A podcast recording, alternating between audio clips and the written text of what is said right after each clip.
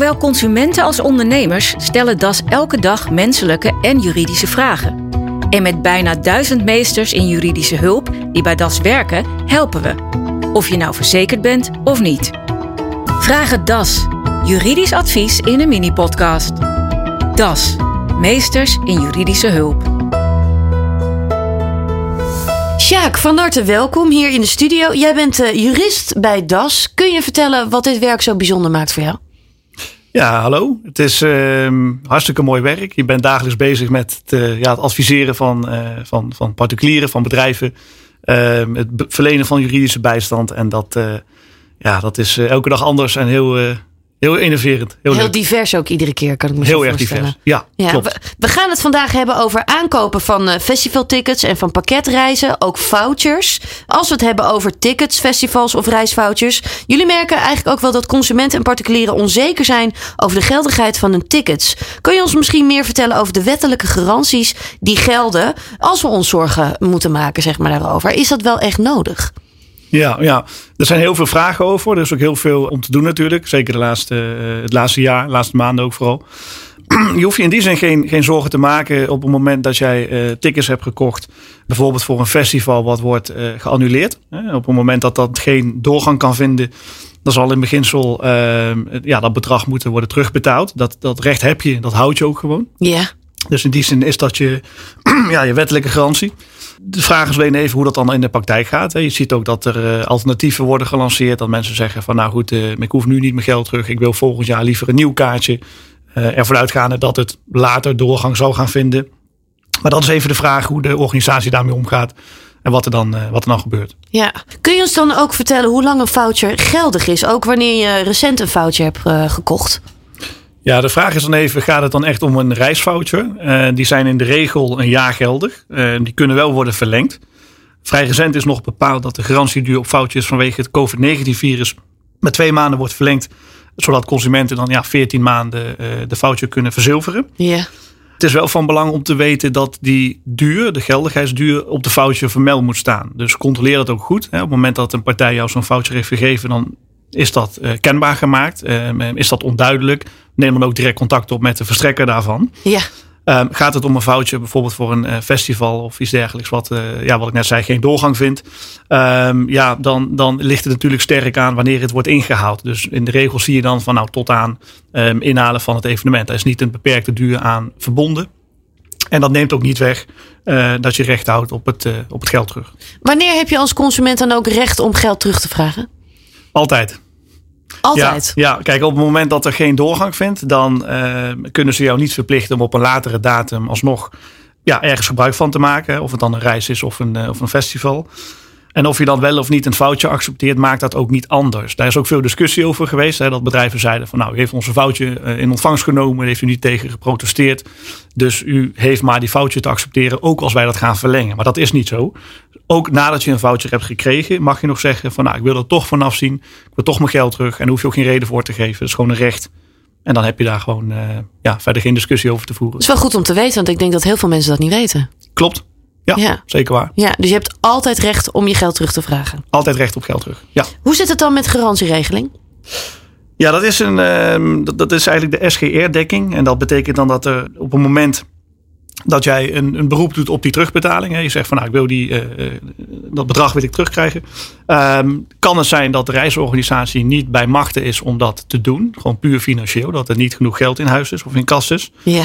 Uh, op het moment dat er dan een dekking is, de SGR-dekking, Stichting Garantiefonds Reisgelden, dan biedt dat een stukje zekerheid. Dus zou dan de situatie zich voordoen dat er niet kan worden terugbetaald, en is de vouchertermijn, de hoofdregel is dan 12 maanden, is die dan voorbij, dan kan die consument binnen twee maanden daar een claim over indienen. Dus dat kan dan bij de SGR en dan vervolgens uh, kan op die manier alsnog dat geld worden teruggekregen. Dus dat biedt een stukje extra zekerheid. Ja, dat biedt een stukje extra zekerheid. Maar de verantwoordelijkheid van de aanmelding bij SGR, dat ligt wel bij de consumenten. Correct. Ja, dat is goed om in de gaten te houden. Je moet het ook echt doen.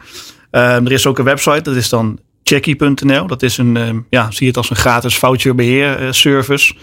Daar wordt de geldigheidsduur wordt daar gemonitord. En uh, de foutjes die daar in beheer zijn, Um, die worden dan automatisch en ook kosteloos aangemeld bij het SGR. Dus dan is het zeker goed om daar even naar uh, te kijken. En Checkie.nl zelf is een initiatief van juridisch dienstverlener DAS en AVI-claim om de consumenten en organisaties juridisch bij te staan. En dan ehm, ja, bij de contractuele zaken gedurende de hele coronaperiode en de afwikkeling daarvan. Um, wat nu als je bijvoorbeeld een ticket hebt van een festival of evenement dat wordt afgelast? Waar heb je dan recht op? Ja, dan heb je ook recht op je geld terug. Nogmaals, in de praktijk zie je dan dat er een nieuw ticket wordt geboden voor een eventueel toekomstig evenement. Uh, dat is uiteraard ook prima. Vaak gaat dat gecombineerd met bepaalde kortingsacties. Dat je dan misschien wat uh, de gratis drankjes van het huis krijgt of dat soort zaken. Maar dat is allemaal vrijwillig. Uh, wil jij je geld terug, dan geldt ook hier bij een festival of een evenement dat je daar recht op hebt. Nou, hoor je ook wel vaker dat er echt valse tickets in omloop zijn. Hoe kun je nou voorkomen dat je een vals ticket koopt? Nou, koop altijd tickets bij de website van de organisator zelf. Of via de erkende kanalen, zoals bijvoorbeeld Ticketswap. Ja. Koop je tickets ook uh, rechtstreeks van een particuliere verkoop, hè, mocht je dat toch, toch doen. Ehm, dan zou ik adviseren om goed te controleren met wie je precies zaken doet. Wees jij wie jij tegenover je hebt. Um, zodat je eventueel later, hè, als het ticket toch vals blijkt te zijn, um, ja, ook daar kunt, uh, kunt reclameren. En het kan dan ook nooit kwaad om eventueel een verkoper even te googlen. Dat klinkt heel simpel, maar vaak kom je er toch wel een heel eind mee. Er is ook nog een website, dat is dan vragendepolitie.nl.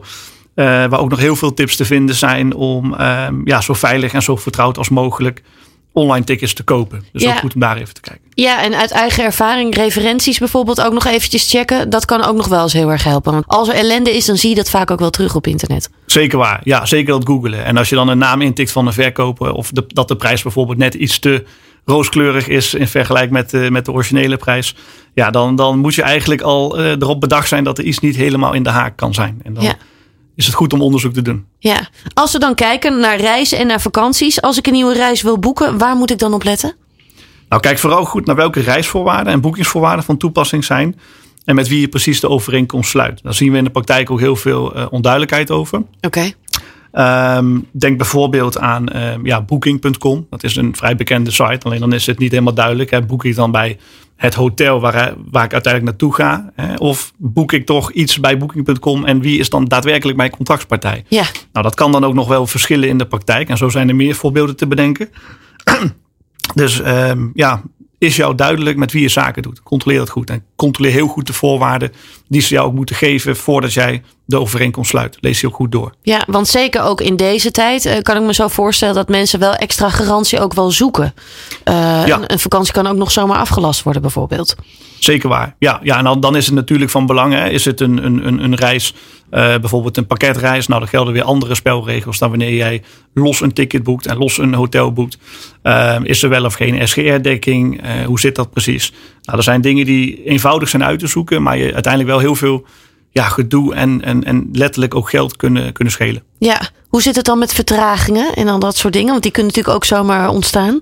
Ja, als het gaat om een vluchtvvertraging, dan zijn daar weer andere spelregels voor. Uh, onder omstandigheden kun je dan in aanmerking eh, komen voor een vergoeding.